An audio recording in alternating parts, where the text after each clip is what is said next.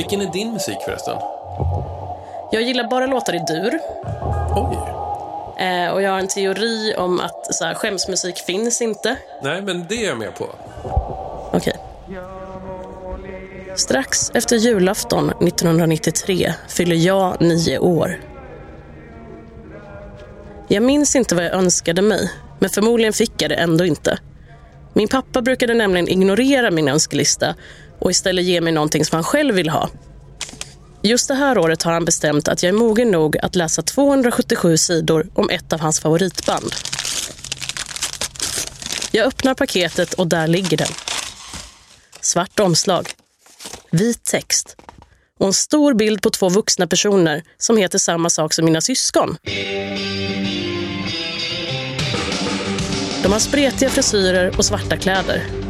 Marie har en jacka som ser ut att vara i lack eller läder och den är urringad så man ser att hon inte bär bh.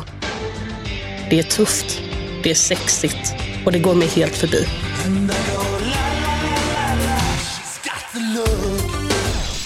Jag läser Roxette the Book, den auktoriserade biografin från perm till perm jag vet inte hur många gånger. Jag vet plötsligt allt om Gun-Marie Fredriksson och Per Gessle och deras uppväxt i Östra Ljungby respektive Halmstad.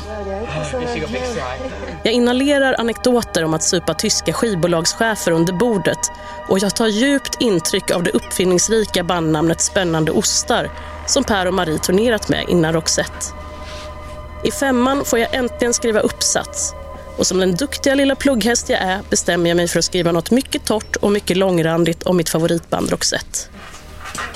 Fröken väljer ut min uppsats och ber mig läsa högt för klassen.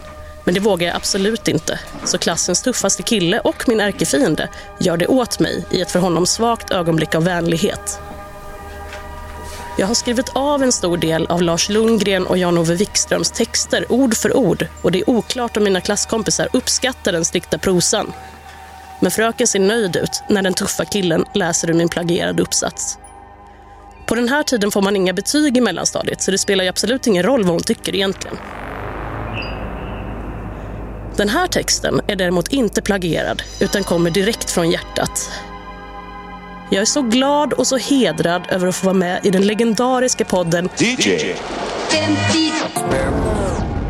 Tänk att få prata i en dryg timme om det jag gillar allra mest.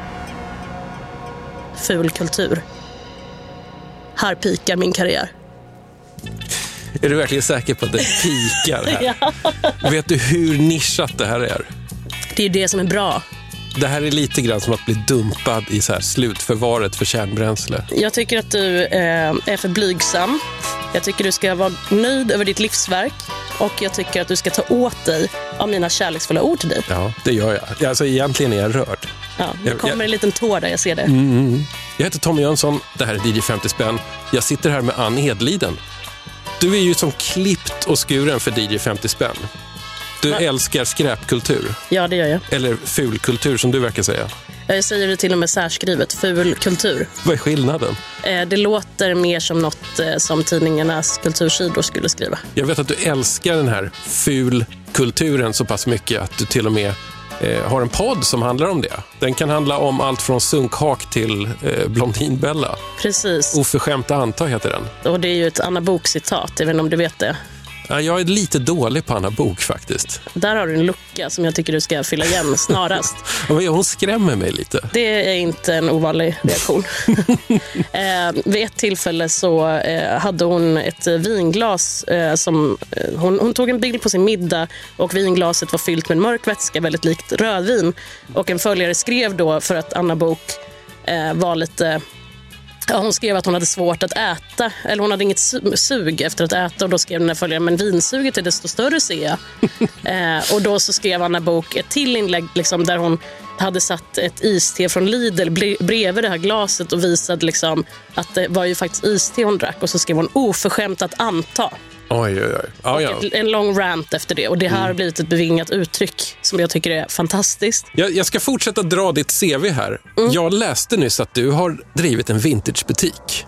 Det har jag gjort. Kunde man köpa 10 kronors vinyl där eller var det bara gamla klädtrasor? Mm, nej, men man kunde köpa stenkakor. Jag hade en back med stenkakor. Okej, ja men då är det riktigt vintage, verkligen. Ja, vi hade vår gräns vid 65, alltså inte nyare än så. En annan faktor som gör att du är perfekt för att vara här är att du kommer från Värmland. Men är det verkligen the Texas of Sweden? Eh, ja, Varför då? för att det är eh, så vilt och så glatt och så eh, lantligt och eh, underbart och bäst. Sen är du författare också. Det vill säga att du har förmågan att skriva längre än en tweet. Och då är du förmodligen ganska smart. Oj, vilken komplimang. Eh, Stämmer det? men jag fick 1,6 på högskoleprovet. Det är ju mer än Mattias Karlsson fick, läste jag i, i Aftonbladet. Alltså menar du SD Mattias Karlsson? Vad fick han då? Men så här 0,8 tror jag. Hörru Ann, ska vi börja spela dina skivor så vi har någonting att snacka om? Du tycker inte att vi har någon att snacka om just nu? Nej. Ich lebe unerhört solide und habe nie ein Rendezvous. Ich gehe höchstens mit den Eltern ein Stück spazieren ab und zu. Mein Vater sagt, so muss das bleiben und dafür schenkt er mir Konfekt. Doch neulich platzte mir der Kragen, weil mir Konfekt nun mal nicht schmeckt.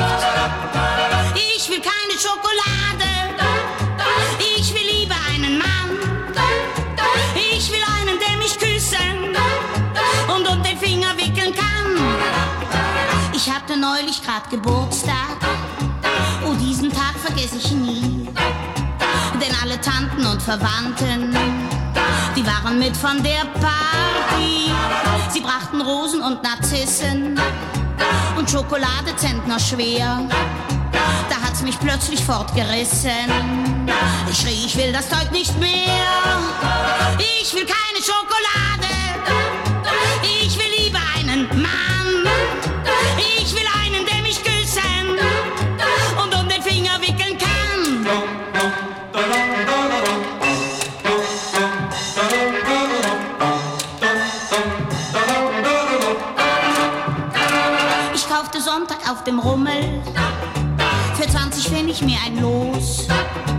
Ich hab auch wirklich was gewonnen. Doch die Enttäuschung, die war groß. Denn ich gewann durch deinen Teddy aus Schokolade und Marzipan. Den schmiss ich wütend in die Menge und schrie den Losverkäufer an. Ich will keine Schokolade.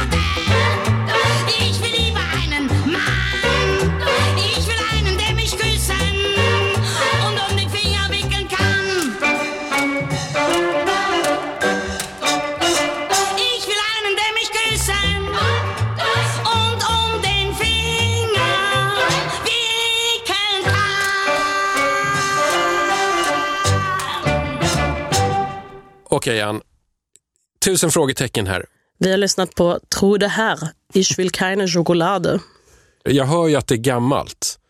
Men skivan som de har med sig ny ut med DJ 50 spänn mått. Alltså det, det är en sån tidig 90-tals samlingsplatta, dubbel-LP. Där det dels är sånt här schlageraktigt. Men det är också plojpunk på den. Det är också lite tuffare Neue Deutsche Welle. Så här, jag vet inte, postpunkigt. Det är lite Nena, det är lite Falco. Det är lite gott och blandat helt enkelt. Jag fattar ingenting av det här. För mig är det helt logiskt. Eh, Jag skulle säga att alla låtar på eh, dubbelskivan eh, tillhör min favoritgenre afterski. alltså, är det är afterski som, som genre, alltså musik som funkar på afterski? Ja, det skulle jag säga. Precis. Musik man gillar att festa till. Det är partyskiva. Mm, just det. Samlingsskivan heter också Wir wollen Spaß, alltså vi vill ha kul. Och så inom parentes, Der Beinharte Tanzpass. Ja, det benhårda danspasset. Man kommer dansa så mycket när man lyssnar på den här skivan. Ja. Var, varför plockade du upp den här? För att det var alla mina favoritlåtar på skivan. Ska jag säga vilka, vilka Alltså- andra jag gillar? Ja, det, det här ger en bra profil på Ja, dig, Ann. Precis. Ehm, Falco, det är kommissar. Mm. Ehm, sen är det ju till exempel Drafi Deutsche, Marmorstein und Eisenbricht från 1965. Det är ehm, Duff, det är Mussolini, det är Franz Gall med Det Computer nummer 3. Der Computer Nummer drei. Eh, det är, tror det här då, så är det Nena nur geträumt, vilket är min bästa Nena-låt. Ich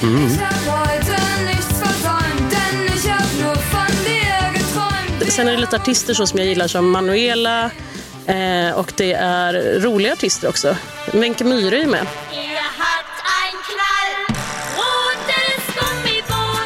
Gitte Henning är också med. Ich will en cowboy als man. Jag vill mm. ha en mm. cowboy till man.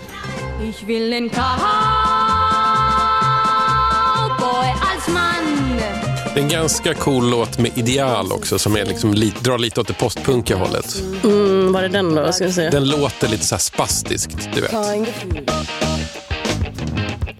Och så är det något band som heter, det roliga är att de heter Abstürzende Brieftauben.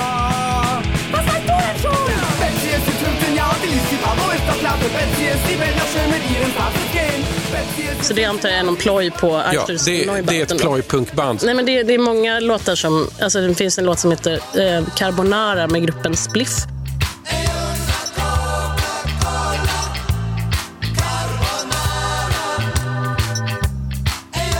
Alltså det är mycket som jag inte har hört talas om också. Spliff var ju ett tag Nina Hagens eh, kompband. Jaha, oj jag älskar Nina Hagen. Men eh, jag har googlat upp bilder här så du får se hur tror det här ser ut. Ooh, ja, men det kunde man nästan tänka sig. Ja, Mm. Söt. Eh, precis, hon är väldigt söt eh, och hon är väldigt tjock för sin tid då. Eh, så att hon eh, var ju... Alltså, Är det tycker man- därför hon ska sjunga om choklad? Ja. jag vill inte ha choklad, sjunger hon. Jag vill hellre ha en man. Det är ju texten som är rolig också, så den kanske, om man inte kan tyska så liksom, hon får hela tiden choklad av folk fast hon hellre vill ha en man. Eh, och i, ja, hennes eh, pappa vill inte att hon ska gå ut och spatsera alltså med killar utan han ger henne choklad istället. Och i sista versen så går hon på en marknad på söndagen eh, och köper en lott och tror att hon nu kanske vinner en man. Nej, hon vinner en nallebjörn av choklad och marsipan och den kastar hon eh, in i folkmassan och skriker jätteargt. Jag vill inte ha choklad mer, jag vill ha en man. Är det här tysk humor? Eh, ja, det är det. För hon var då eh, ja, både komediaktris Ah. och eh, eh, sångerska. Så hon är ju från Köln, där jag har bott då. Och hon var verksam på den mycket legendariska teatern Milovic teater som Mhm. stängde för ett par år sedan tyvärr. Mm. Eh, så hon, hon spelade i massa filmer och sådär. Så det finns filmklipp också på Youtube. Hon har en annan hitlåt som jag älskar jättemycket som heter Weil ich so sexy bin. Mm. Det är därför jag är så sexig. Weil ich so sexy bin, wahnsinnig sexy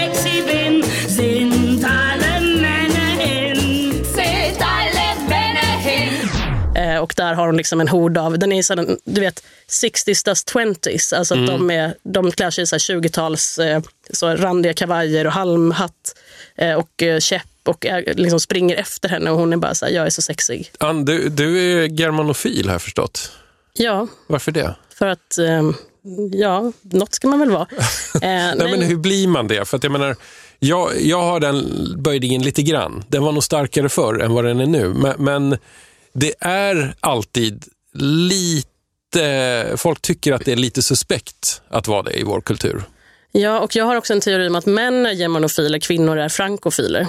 Mm, men är från... Ja, just det. Mm. Eh, Men jag har ju bott och jag började plugga eh, i Düsseldorf eh, 2005 och sen bodde jag i Köln året därpå. Eh, och Köln är en väldigt rolig stad, eh, kanske inte så liksom kul sommarstad. Jag var där i somras igen och då märkte jag liksom, nej just det, det var ju det här att det inte finns något någon luft på sommaren. Eh, men det var väldigt kul att plugga i. De har ju också den här karnevalskulturen. Det är liksom en stad byggd på humor egentligen. Fast ganska dålig humor då, för att jag gillar inte så här clowner och sånt. Det är ju lite trist. Nej, just det. Men det här med alltså, nidbilden av tysk humor, skulle du säga att den stämmer? Att tysk humor är dålig alternativt inte finns? Eh, nej, den finns ju absolut. Eh, och jag skulle väl säga kanske att eh, den här skriva på näsan-humorn är och har varit väldigt stor. Eh, och jag läste också när jag gjorde lite mer research som trodde, alltså jag har ju liksom eh, varit intresserad av henne länge, alltså ända sedan jag bodde, bodde där. Men hon var också Butnerrederin, heter det. Alltså det betyder att man håller tal på karnevalen och det här, de som har den stora äran att vara det under karnevalstiden är ju så här, kända humorprofiler. Så att hon var verkligen superstor humorprofil i Köln. Vad fint omslag på den här samlingen förresten. Det, det är liksom eh, gnäggande zebror. Det, Rosa. Ja, mot, mot liksom en monokrom bakgrund. Man- Så man bli, vill ju ta upp den helt enkelt. Afterski-musik säger du. Din podd, alltså du gör inte din podd helt själv. Du har, du har en partner också i den. Men, men kommer, ni, kommer ni dyka in kanske i afterski-kulturen en vacker dag? Eh, det önskar jag. Sen vet jag att Emily som jag har min podd med eh, hatar att åka skidor. Ja, då kan det bli Eh, svårt. men hon å andra sidan försöker få mig att göra ett avsnitt om Solvalla. Vilket jag tycker låter som det tråkigaste avsnittet någonsin. Eh, Säg inte det. Säg inte det. Nej, ska du vara på hennes sida nu? Jag tänkte att du skulle ge mig fler motargument. Kort parentes här. Jag har varit på Solvalla en gång i mitt liv. Var det på Och- Elitloppet? Jag tror att det var det, för att jag, på samma kväll såg jag Lill-Babs och gangsten Joxo. Det säger någonting om bredden. Alltså Lill-Babs var på Solvalla då? Japp. Och, in, Och- som och- gäst eller? Alltså hon satt där med ett sällskap och jag tror att de sprang till luckan och lämnade in, spelade på hästar lite då och då och, och drack vin och hade det jättetrevligt. Och en liten bit från henne så satt Juxo och hans entourage av, av män som man inte vill hamna i bråk med. Och det var helt naturaliserat. Och alla, det var jättehög stämning och sådär. Jag vann ingenting. Men Det här är en jättebra anekdot till vår framtida podd Mm. om det då. jag minns att jag tyckte att det var fascinerande. Ja. Att jag tänkte att jag skulle nog kunna trilla dit på Solvalla-hänget. Lill-Babs är det första namnet eh, associerat till Solvalla som har fått mig att liksom Mm. lystra till. Alltså om ni, om ni tänker eh, kändisar med någon slags fulkulturpotential så tror jag att det finns många kändisar som är faktiskt eh, lite travintresserade. Kanske till och med lite torsk på trav, så att säga. Har du några namn? Har inga nu. Det här, det här, det här är en känsla. Mm, en känsla. Och en annan grej som man gör om man blir nyrik i Sverige, det är väl ändå att vara delägare i en travhäst.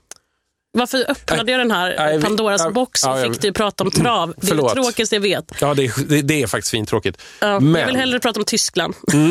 Här har vi en grej. Det här är ju en slags partyplatta. Varför är Tyskland så stark nettoexportör av partyplattor? Eller de har varit det.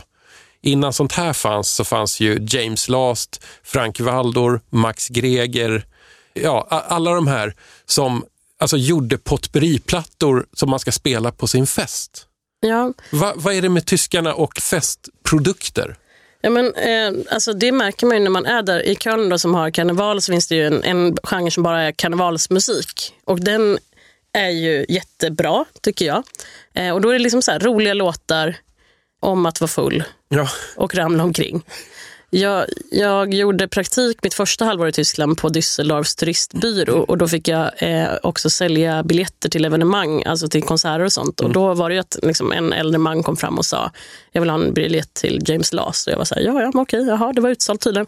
Och jag fick lära mig väldigt mycket om tysk musik då för att folk kom ju fram, jag, till exempel det här var ju 2005, det kom fram några unga tjejer och sa eh, vi vill ha biljetter till Tokyo Hotel och då sa jag, nej men hotelldisken är där. Eh, för det, det hade man ju aldrig, de hade ju inte slagit så stort än då. nej. Eh, så att jag visste inte vilka det var. Det var också utsålt minns jag. Eh, och det var en man som ville ha biljett till Marius Mille Westernhagen. Just. Och jag bara, "Ja, hur stavar du det? Och han bara, va? Kan du inte stava till Marius Mille Westernhagen? och jag bara, Han är- aldrig hört namnet. Nej, men han är väl typ deras Thomas Ledin eller något liknande. Ja, eller Ulf Lundell kanske. Ja, kanske. Ja. Och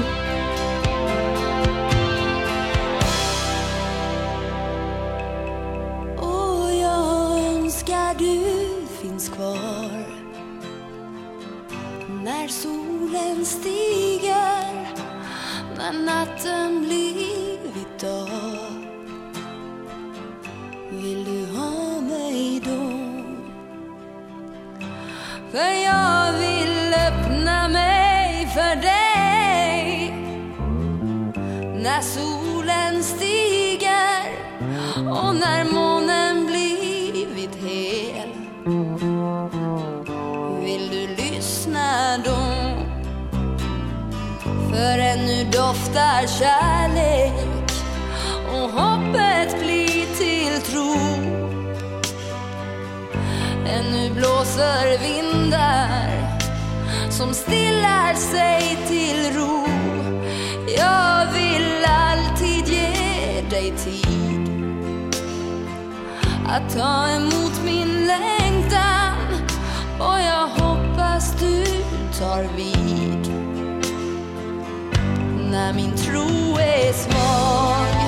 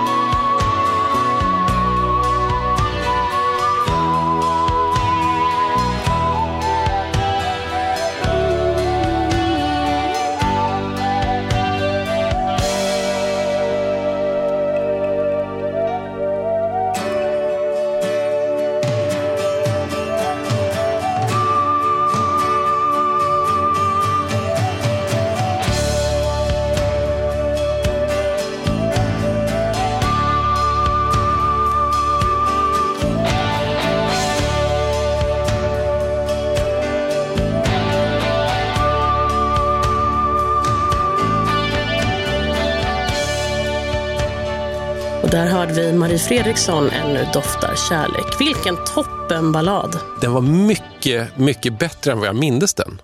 Den är ju helt otrolig. Du har alltså plockat upp LPn som den här är från, Het vind från 1984. Precis. Vad var det som fick dig att plocka den?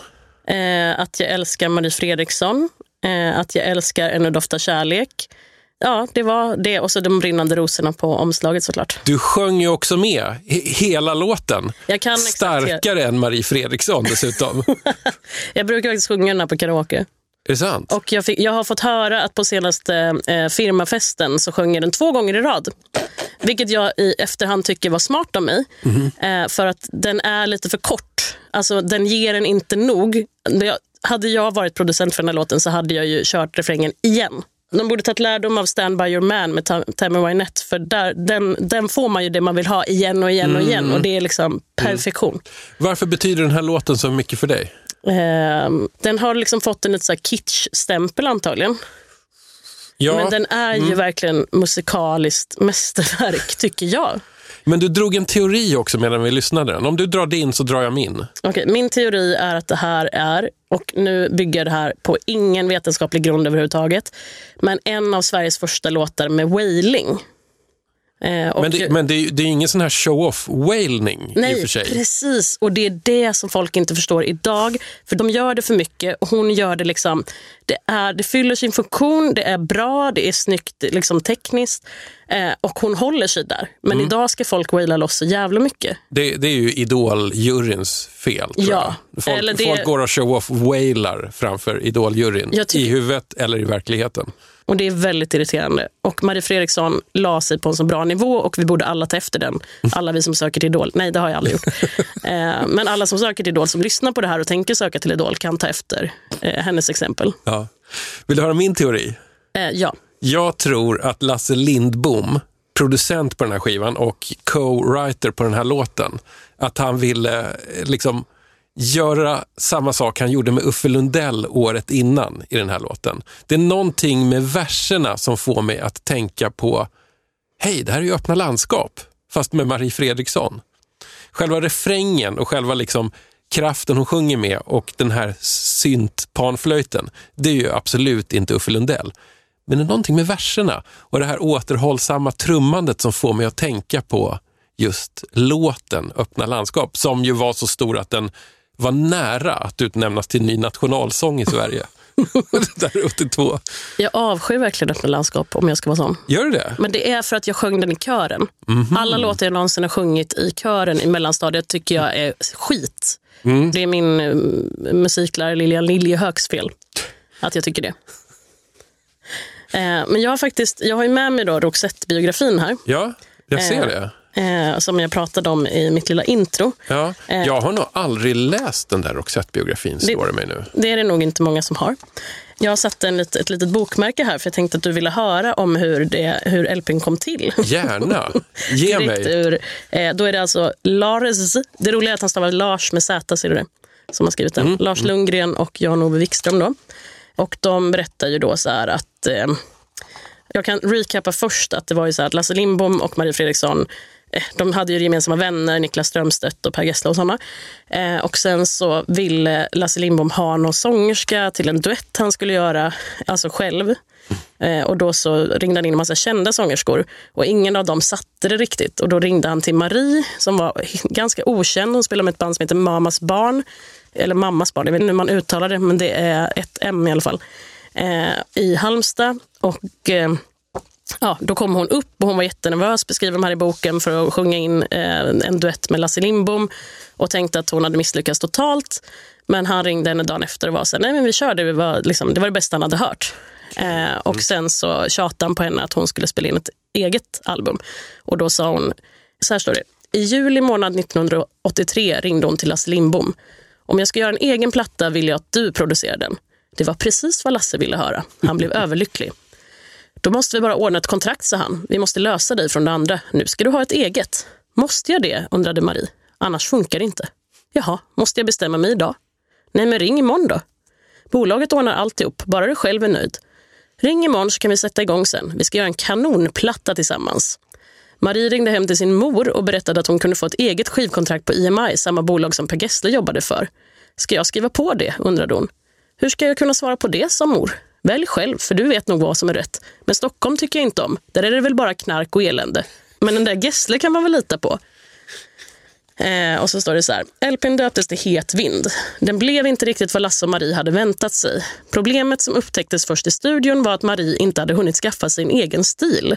Hon var bra på att göra vad som helst. Hon kunde sjunga som Cyndi Lauper, hon kunde göra en jazzlåt. Allt hon försökte lät bra. Men hon visste inte vilket hon helst ville göra och Lasse kände att han själv också trevade sig fram efter något att fastna för. Och sen så står om Ännu doftar kärlek här. Det var, eh, en av sångerna var en låt som Lasse hade liggande. Han hade aldrig gillat den, men Marie la till en ny del som gjorde att den blev något mycket mer än vad den var från början. Och hon skrev texten som kom att heta Ännu doftar kärlek. Det var den låten som började spelas på radion när plattan var klar. Just det. Så du kanske har lite Han kanske skriver den till Ulf Lundell egentligen. Eller att det var liksom en så konstig biprodukt som aldrig riktigt blev någonting då. För att det jag har förstått av att jobba med Ulf Lundell är att det är pissjobbigt hela tiden. Ja. Eh, Det kan jag tänka Så mig. att låten kan ju ha varit cursed fram tills att Marie tog hand om den. Så, kan- fick den nytt liv. Precis, så kan det säkert ha varit. Eh, och den blev ju så mycket bättre än vad den någonsin skulle ha blivit med Ulf Lundell. Eh, men han, Ulf Lundell har ju skrivit låten Het vind till Precis, skivan också, så han är ju lite snäll. Nej, men jag kan hålla med om att hela det här albumet är ju lite svårlyssnat bitvis för att det inte har någon riktig stil. Det är liksom det här generiska svenska 80-tals poprock-soundet som är väldigt svårt att ro i land. Men det just den här låten är inte riktigt där, men de andra är lite mer, eh, vad ska vi säga, bredarslade, arena-aktiga. De låter ju extremt mycket 80-tal bara. Ja. Så att det blir nästan olidligt. Eh, medan den här låten känns mer tidlös. De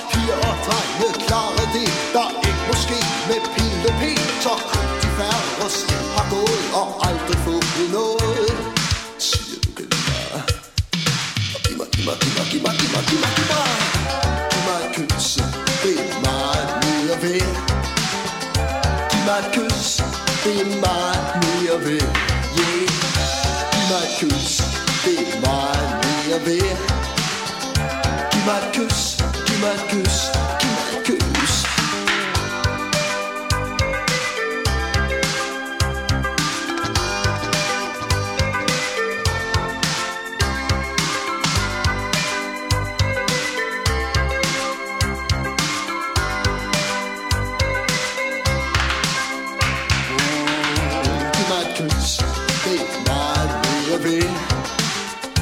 You might kiss, be my baby. Yeah. You might kiss, be my baby. You might kiss, you might kiss, you might kiss.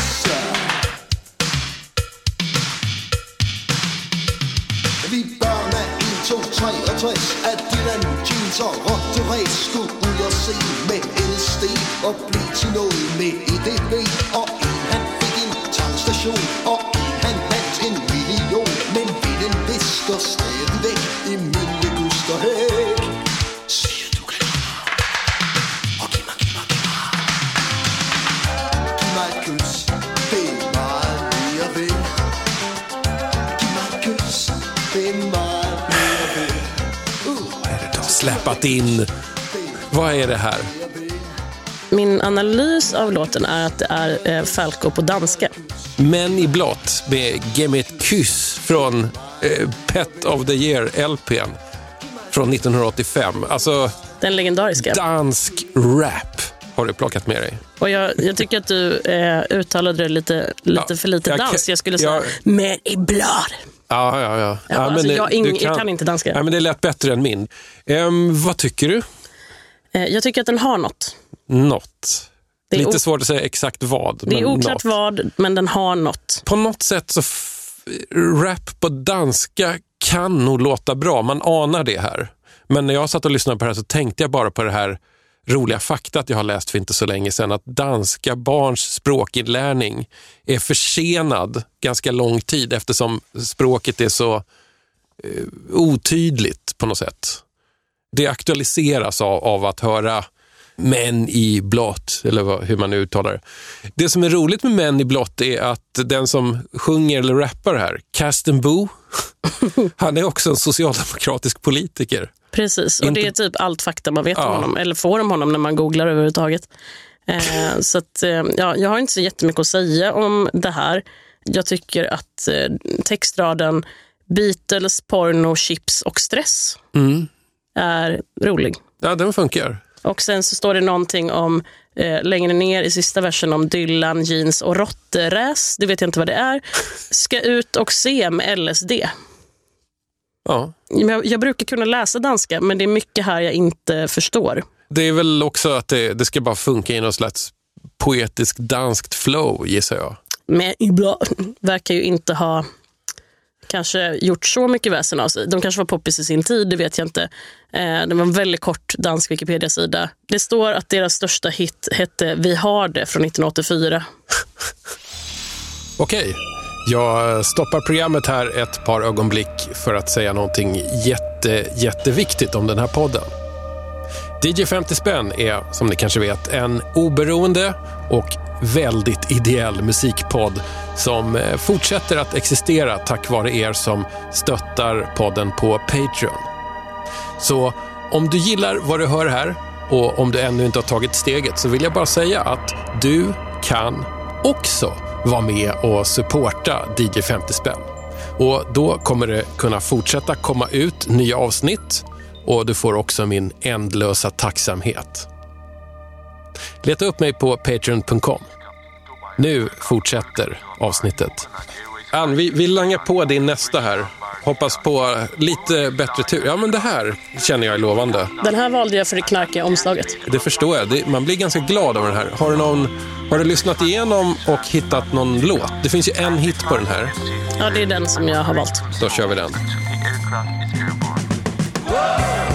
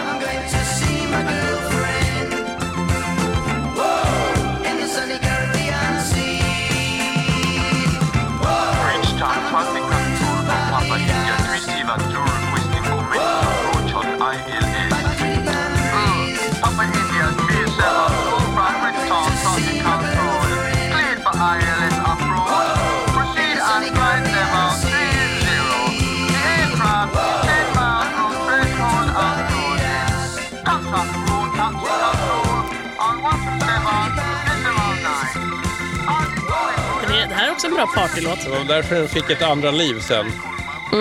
Typically Tropical och vi har låten Barbados från eh, One Hit Wonder Cash In LPn Barbados Sky som du har hittat. Fantastiskt faktiskt. Ja, vi la bara på den i, i butiken, eller jag liksom satte på den och eh, jag har aldrig hört talas om dem, jag har aldrig hört talas om låten Barbados. Och jag bara, jaha, jag visste inte att Venga Boys hade gjort en cover. det var min. Och då outade jag ju hur ung jag är som liksom inte har hört den här låten, som jag förstår också var en hit. Liksom. Alltså, det var en Englandsetta 1975. Det är väldigt, väldigt länge sedan. Jag kan inte minnas det heller. En anledning till att jag har koll på det här är att jag har eh, liksom loppisrotat skivor så pass länge och chansat på den här väldigt färgglada, lite trippiga, glada LP-skivan med en flygfisk på omslaget. Jag tycker att musiken levererar. Precis, det är ju en väldigt bra låt och eh, eh, även Venga Boys låt är ju, den blev ju en större hit än den här blev, vad jag Ja. har förstått. Jag kollade på Wikipedia, då stod det att den här låten var etta eh, i typ England då, medan We're, We're going to Ibiza var etta i eh, The Band's Native Netherlands. Så där, Venga Boys är ju alltså från Holland. Eh, och en topp fem-hit i Norge och Sverige. Wow. Eh, Men den, alltså, jag, jag såg några säljsiffror, jag hittar inte dem just nu, men eh, Venga Boys We're going to Ibiza sålde så sjukt mycket mer. Vad kände du för det här originalet då? Ja, den går ju dur, så jag gillar den. Och eh, som jag förstod då så är de här två eh, personerna egentligen bara ljudtekniker. Jeff Calvert och Max West heter de. Och de var så här, kan vi få spela in en skiva? Typ. Eh, och eh, då var det något skivbolag som bara, ja här får ni pengar. Och så spelade de in och de har ju aldrig liksom spelat live eller gjort någonting annat. Nej, alltså det är ett studioband helt och hållet. Jag kollade så här vilka som spelar på det. De har ju liksom tagit in typiska brittiska sessionmusiker också. Eh, Clem Catini på trummor, han har spelat du vet, på massa hittar med så här, The Tornadoes, T-Rex, Hot Chocolate. Alan Tarney på bas. Alan Tarney blev några år senare känd för att producera den poppiga tidiga 80-tals Cliff Richard. Så Chris Spedding spelar gitarr, han, han har liksom spelat med alla, Elton John, Roxy Music, etc. etc. Så att myten säger att de bara så här utnyttjade några liksom obokade studietimmar, fick ihop den här låten och den bara exploderar. Det förstår man ju verkligen. Och sen var det väl brådis att få ihop ett helt album efter det gissar jag. Mm, fast det verkar också som att de spelade in det och sen så typ, dröjde skivbolaget ett år med att släppa. Eh, och sen så står det också att de gjorde någon disco-hit för Sarah Brightman ett par år Ja, senare. de skrev en låt, tror jag, som hette I lost my heart to a starship trooper. Mm, och den vill jag ju höra, jag har inte hört den.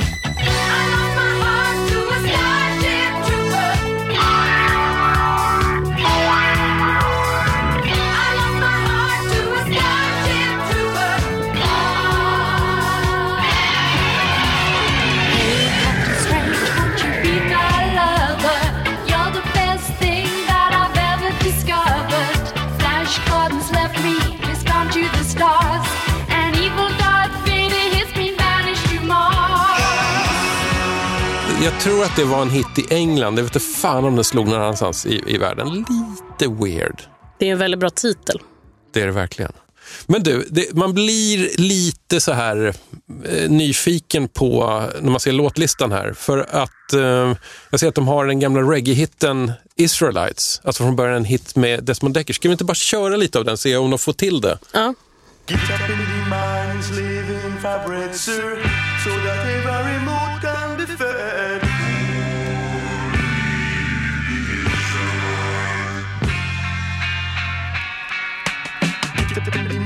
Living vibration. So that if a remote can be fed.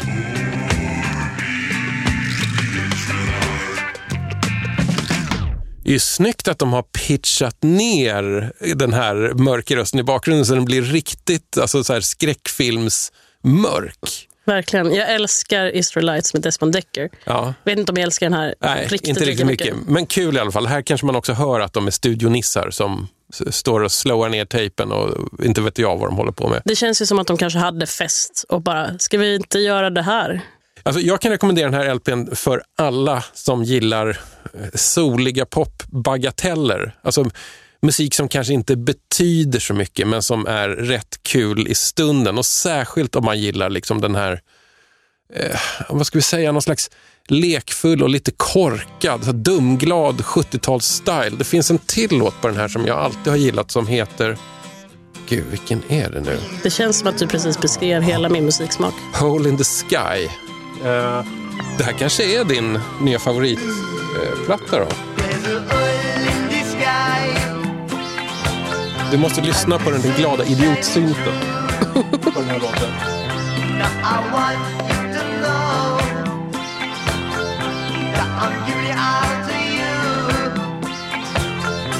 Min fördom, eller min dröm om den här skivan, det är ju att det är två riktigt bleka brittiska här, studiotekniker som nästan aldrig ser solljus, som fantiserar om Barbados. Att det ska låta så här hela tiden. Det var därför jag började nu googla hur Jeffrey Calvert ser ut. Ja, han ser ju inte så svart ut, nej. De är riktigt bleka. Jag har läst en intervju med dem någon gång och de gillar, de gillar reggae. Alltså de var så här, på typiskt så här engelskt eller brittiskt sätt så gillade de skivbolaget Trojan.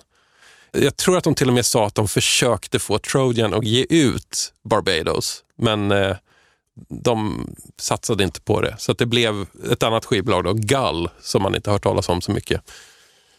Fan, jag blir glad av den här plattan. Jag tycker det här är en... liksom om, om mina ord är värda någonting så kan jag ändå säga att en kul pop-reggae-bagatell. Väldigt vit, men en kul fantasi. Är det inte lite CA då? Jo, absolut. Men, eh, jag, Men det är ju Peps Persson också i så fall. Ja, exakt. Det kanske mer är att han liksom ska låtsas ha en Barbados bryt, alltså såhär, Exakt. all in the sky. Jo, absolut. Det kanske drar åt något slags karikatyrhåll också, men eh, en, en eh, korkad och kul platta skulle jag vilja säga. Det är inte det sämsta. Vi kanske är klara med Typically Tropical här. Nu, nu ska, det här är typ det modernaste du har med dig. Det är supermodern musik egentligen för att vara med DJ 50 spänn mått här. What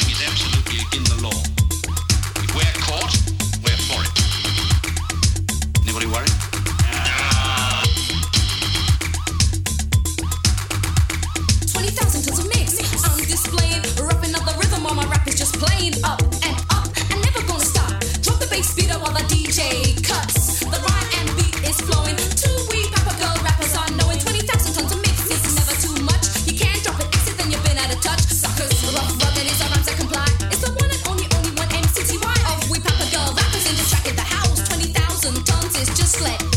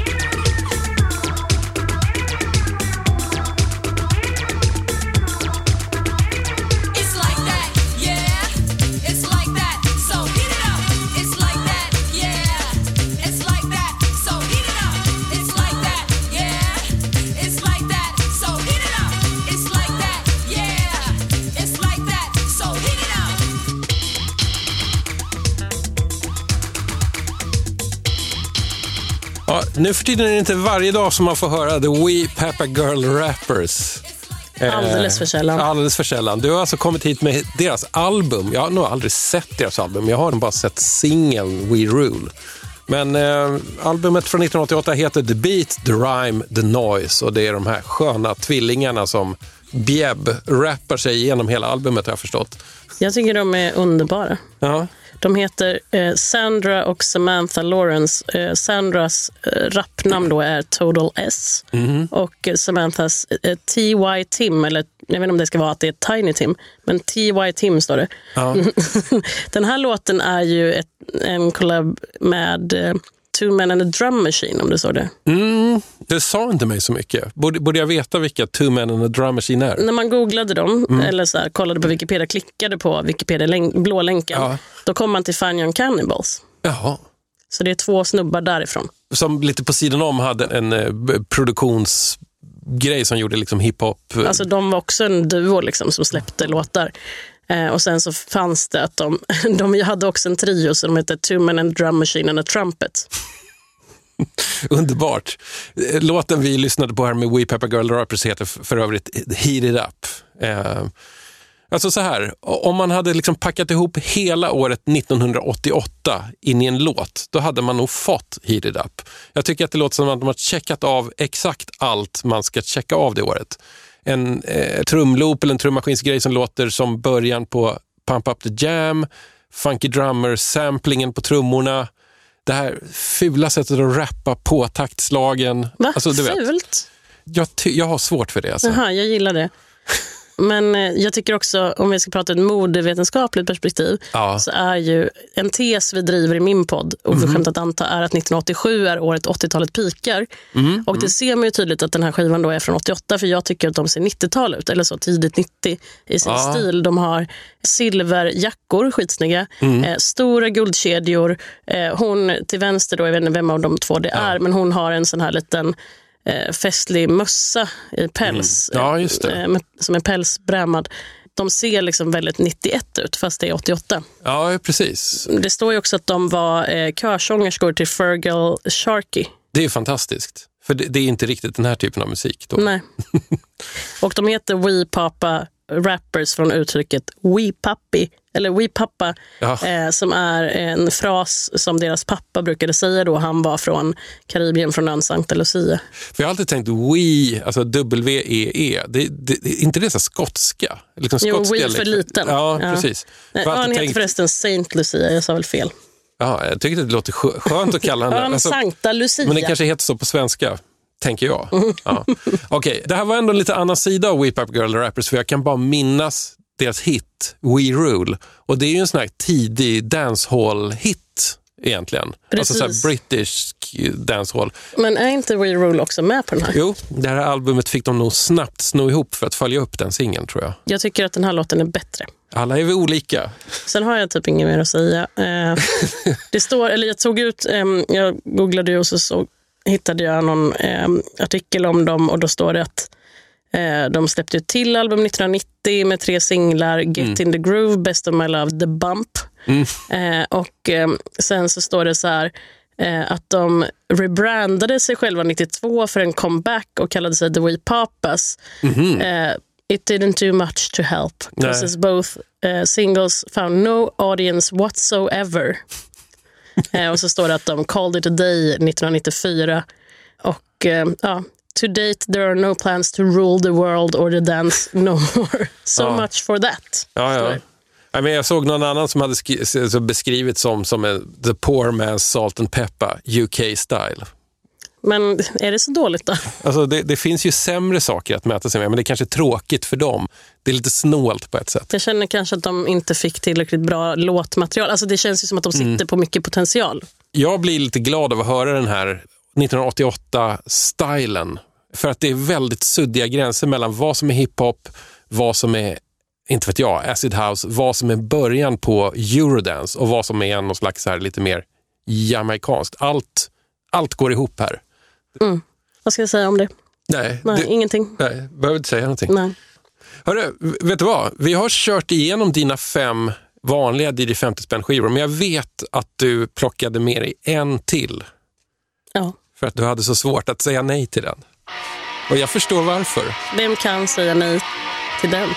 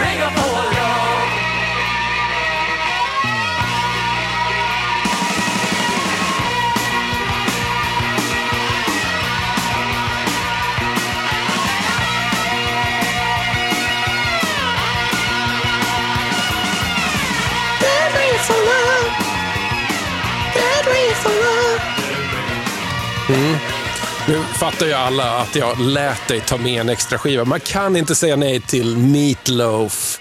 Man kan inte säga nej till Dead Ringer for Love. Man kan inte säga nej till Dead Ringer-albumet från 1981. Ann, du sa att det här är en låt som är jag. Ja, den, Förklara. är, den är essensen av min eh, själ. Hur blev det så? Ja, men det började ganska sent i mitt liv. Nej, men jag kör den här också alltid på karaoke. Eh, ihop med min kompis Martin. Då, eh, för att jag kör den inte själv, båda eh, rösterna. Eh, men det är alltid så en eh, fin linje mellan att vi vågar inte köra den i början på kvällen och vi får inte bli för fulla så vi inte kan köra den nej. i slutet. Så att vi måste liksom lämna in lappen precis i rätt tid. Nej, men den har följt mig liksom i, i flera år. och det började väl med att jag också så här, alltid när jag var full satte på den på fest, typ, tog över någons eh, spellista på Spotify och bara nu ska jag köra Dead Ringer. Och sen skulle jag alltid ha en show Eh, typ så här, gå ner på knä och så här, lägga mig bakåt. Och, Ja, ja, ja. ja, hålla på. Och det var alltid pinsamt. Och jag brukade så här, nästa dag kände jag så här, var tappade jag min värdighet? Det, det var någonstans när Dead Ring for Love sattes på som den försvann. Men den här låten har ju den makten. Ja. Alltså man kan tappa det ganska lätt till den här. Har en Ett- sån ett driv. kraft liksom. Ja. Hur hittade du till Meatloaf? Jag vet inte, han har väl alltid funnits. Eh, men det är ingenting som så här, eh, jag har fått med mig hemifrån att någon lyssnar på det hemma, vilket är konstigt för att eh, jag menar, vem vill inte lyssna på Meatloaf? men jo, jag tror att jag hittade till honom egentligen, alltså personligen, så var det att jag satt på olika så här, internetsidor, eh, så tidigt 2000-tal, läste om fankulturen kring Rocky Horror Picture Show Ja, ja, ja. i New York och att de så här, eh, klädde ut sig. Och den här filmen, alltså då, jag hade inte sett den, men jag tyckte det lät så himla roligt. Eh, och Sen så flyttade jag till Irland 2004 och det första jag gjorde var att köpa den på VHS, eh, Rocky Horror. Eh, och då eh, tittade jag på den. Och eh, jag älskade också när Meatloaf, eh, som Eddie då sjunger eh, Heart Patootie i den. Han har ju något. Alltså, man blir väldigt sexuellt attraherad Ja, i den. Eh, och den är, det är ju tio år innan den här skivan. den tidiga Meatloaf. Mm. Här är ju Meatloaf under hans imperial face, eller vad man ska säga. När han gör de här stora, svulstiga plattorna med Jim Steinman-låtar. Mm. Jag tycker att den här LPn är ju bättre än till exempel Bat Out of Hell. Mm, just låten Bad Out of Hell är ju ett mästerverk. Men som skiva sett är ju den här ett starkare kort. Eh, men jag läste också om den att eh, eh, Meatloaf hade tappat sin röst. Eh, och vilket han ju gjorde under hela sin karriär hela tiden. Eh, så när den här gjordes 81, och då hade det gått eh, fyra år sedan, Bad Out of Hell, och då, det här var ju lite comeback då.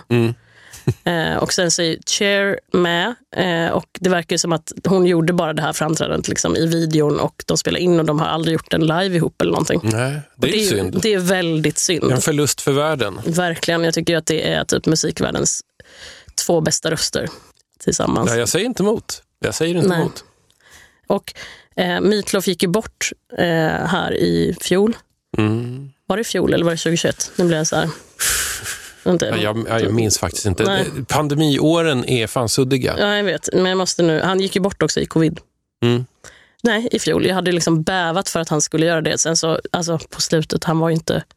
Han brukade ju turnera till exempel med eh, en sångare från eh, American Idol som fick sjunga medan Meatloaf pratade. Ah, okay. Eh, och, sådär. och sen så höll han ju på så här, skulle som flera kända män ur hans generation göra utspel på Twitter mot Greta Thunberg och sånt. Det här har jag ingen koll på. Att han gick den vägen alltså? Ja, tyvärr. Som en annan idol eh, till mig, John Cleese. Eller han har inte gjort just det, men han har också varit så här men John oskön. Cleese har ju blivit en alltså, gubbjävel. Ja, liksom. exakt.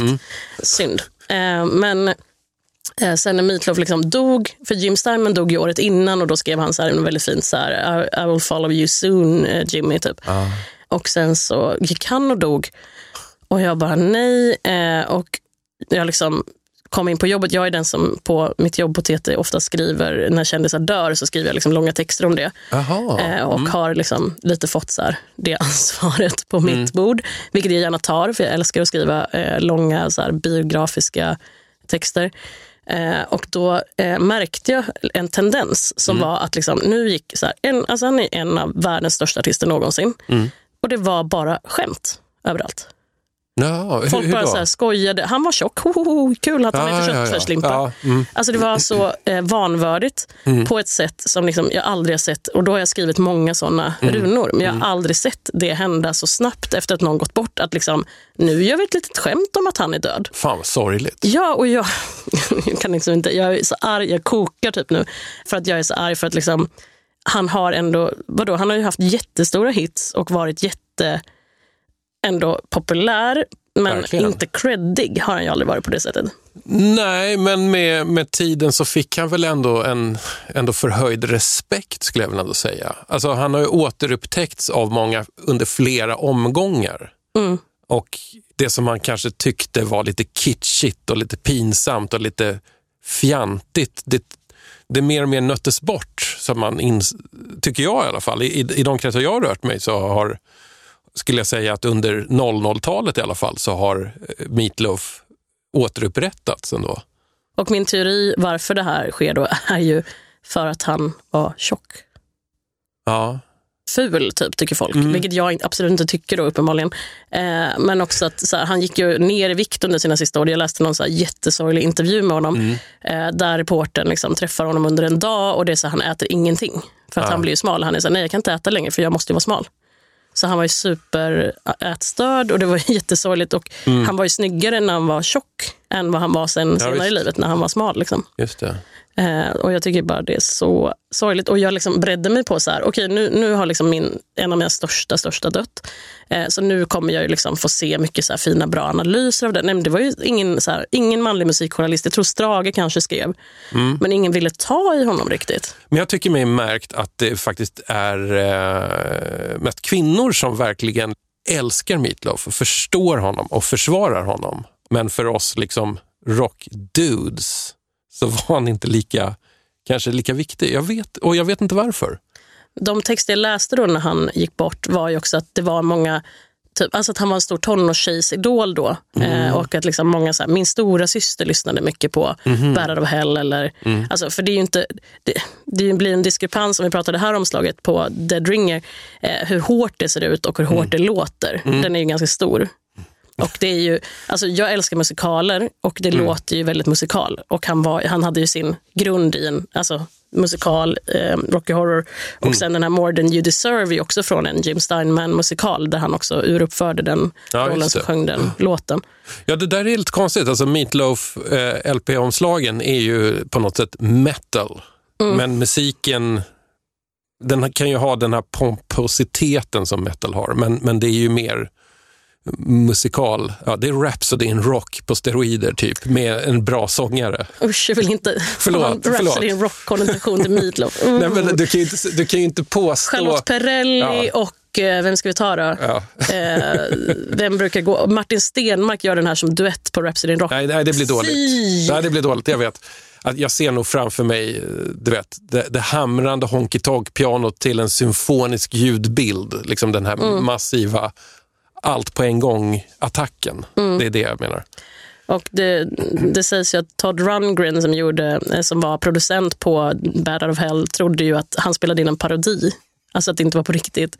Eh, för att de höll ju på i flera år, Jim Steinman och Meatloaf, och liksom så försökte vässa fram ett sound. Och det var inte förrän Meatloaf, de gick tillsammans och såg eh, Bruce Springsteen med Born to Run-turnén som de så här, då, vände, då sägs det att liksom, Meatloaf vände sig till Jim och bara, det är det här vi ska göra. Och det var då de fattade. Nu, alltså, så att Ja. det är ju det är ju på ett sätt liksom en pompös musikalmotsvarighet till Ja. Born to Run. Ja, men där har du det. Precis, och då står, jag läste något sådär, byt ut så här, cabin eh, mot en motorcykel och New Jersey mot Texas, så har du liksom Meatloaf. Alltid lika härligt med Meatloaf och alltid lika härligt med just den här låten. Jag tycker att den är fantastisk faktiskt. Och musikvideon. Och Chairs. Jag har ju också gått på maskerad och utklädd till Cher i den här. Och skulle min kille gå som Meatloaf så jag hade köpt så en peruk och en väst. eh, men han blev sjuk så jag fick gå själv. Eh, misslyckat. Men, Bra, bra ansats ändå. Ja. Och jag tycker som sagt inte det finns någon skämsmusik. Men uppenbarligen så tyckte ju folk det då när han dog. Ja, det är konstigt det där med att eh, skämsmusiken aldrig dör. Eller liksom synen på att det finns skämsmusik, att det aldrig riktigt dör bort. Jag gissar ju att det är dina lyssnare som håller kvar. Nej, kan- ja, men kanske det inte dina lyssnare. Men du jo, då, men absolut, det kan finnas. Det finns ju säkert, om du verkligen skulle liksom under tortyrliknande förhållanden förhöra mig om det, eh, så skulle du säkert få fram någonting som jag tycker är skämsmusiken då. Även om jag påstår att jag är öppen för allt. du skrev nästan. ju till mig att jag inte fick ta med dansband. Skrev jag det? Ja. Jag har ingenting emot dansband egentligen. Nej, precis. Och inte jag heller. Alltså, Mm. Jag har verkligen så här, jag är ingen dansbandsälskare, eh, men jag, eh, jag kan verkligen eh, se eh, charmen. För, för min del så har det ju blivit också lite, lite grann av en sån här sak som man kan snobba sig med. Liksom att de allra mest okända, obskyra dansbanden på de mest okända skivetiketterna. Då går jag igång på 180. Inte nödvändigtvis för att jag tycker att musiken är sådär fantastisk. Egentligen är en Vikingarna-låt mycket, mycket, mycket bättre. Men det är ju roligare att gilla Stig Inges. Liksom att ge deras få stunder i skivstudion en chans långt senare, fast ingen har bett om att de ska få den chansen. Eh, och Stig vi... Inges är alltså inte ett påhittat namn. Nej, de det förstod jag. Mm. Mm, 100 procent. Hörru, Ann, ska vi börja runda av lite här? Mm, jag tänker det. Jag Eh. ska se om jag hade något mer att säga. Eh, du, du, du. Men det framgår nog bara hur mycket jag ska meatloaf och det var det viktiga. Det gick fram. Du, orkar du leta fram en eh, partyplatta med James Last? Det, det, det, alltså jag kan inte stänga av det här programmet utan det. jag vill ha mer Pass. Den har jag inte. Då valde jag en som heter Rock Me Gently för det var Oh, det är den med eh, låtar av kanadensiska låtskrivare. A tribute to the great Canadian songwriters. Jo, på riktigt. Det här är en av James Lasts bättre skulle jag vilja hävda. Du hör ju hur pervers jag är. Men Är det här din favoritartist? på, på vissa sätt, vissa dagar är det min favoritartist. Hur kändes det här då, Ann? Bra. Var- svårt för dig att klippa?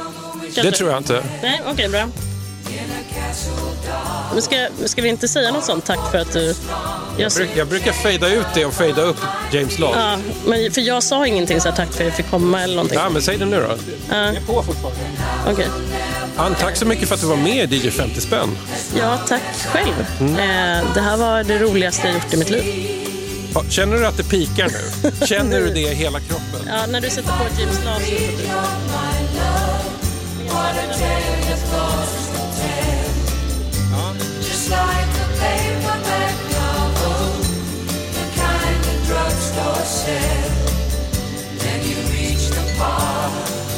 where the heartaches come. The hero